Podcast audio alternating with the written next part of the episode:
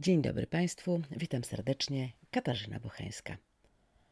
A ja w dzisiejszym mm, felietonie podywaguję na temat kontrświatu. Tak, tak, nie przesłyszeliście się Państwo. Dopóki nie byłam właścicielem psa, nie zdawałam sobie sprawy z faktu, że obok codziennego życia praca, dzieci, mąż, istnieje jeszcze równoległy świat. Rzeczywistość, w którą wchodzą wyłącznie właściciele psów – i jest to świat i język wyjątkowo ciekawy, a nawet powiedziałabym wskazany dla niektórych. Posiadanie psa wiąże się z kilkoma niewątpliwymi zaletami. Więcej ruchu dla właściciela, a i przybywająco lawinowo ulotne, bo ulotne, ale znajomości i możliwość nawiązywania niezobowiązujących dialogów. Small talking jest ewidentną siłą tego świata. Patrząc na to pod kątem toczącej się komunikacji, to chyba nawet y, zalecana to przestrzeń społeczna dla wszystkich, którzy muszą nauczyć się rozmawiać o niczym z drugim człowiekiem.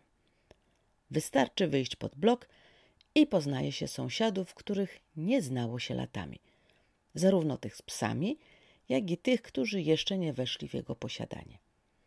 Nagle odkrywa się place zabaw dla psów, a tu już wymiana myśli między ludźmi jest automatyczna, prawie jak na placach zabaw dla dzieci. Wszyscy rozmawiają o swoich pupilach, o ich nawykach, o psich przedszkolach i szkołach i wymieniają się komplementami na temat czworonożnego towarzysza. Po tych komplementach nawet y, właściciel jest dowartościowany, jakby to na jego temat spływały same miłe słowa. Ludzie ze sobą rozmawiają. Rozmawiają, szanowni państwo. Są mili, jakoś pozytywnie nastawieni do świata, jakby wyjęci z innych realiów.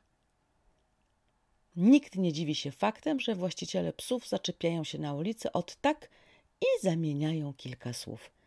Posiadanie psa powinno więc chyba być zalecane każdemu, kto ma problemy z nawiązywaniem budującego komunikowania. W czasach COVID-u fantastyczne to uzupełnienie brakujących nam kontaktów z drugim człowiekiem. A poza tym możliwość posiadania psa to pojawienie się także w domu nowego tematu do rozmów. Ożywają kontakty rodzinne, a czworonożny przyjaciel pobudza naszą potrzebę troski i wiele problemów, choć na chwilę, nabiera innego wymiaru. Może Stuart rzeczywiście miał rację, pisząc kilka ładnych lat temu, że mówienie choćby do zwierzęcia obniża ciśnienie krwi i ratuje nas przed zawałami. No cóż, dobra perspektywa. A jeśli mamy dzieci, które nam towarzyszą w tych rozmowach z psimi opiekunami, to uczą się przy okazji relacji międzyludzkich, tolerancji, a nawet dyplomacji bo i w tym świecie jest potrzebna. Szanowni Państwo, przemiłych rozmów z właścicielami i nie tylko czworonoków. Pozdrawiam serdecznie.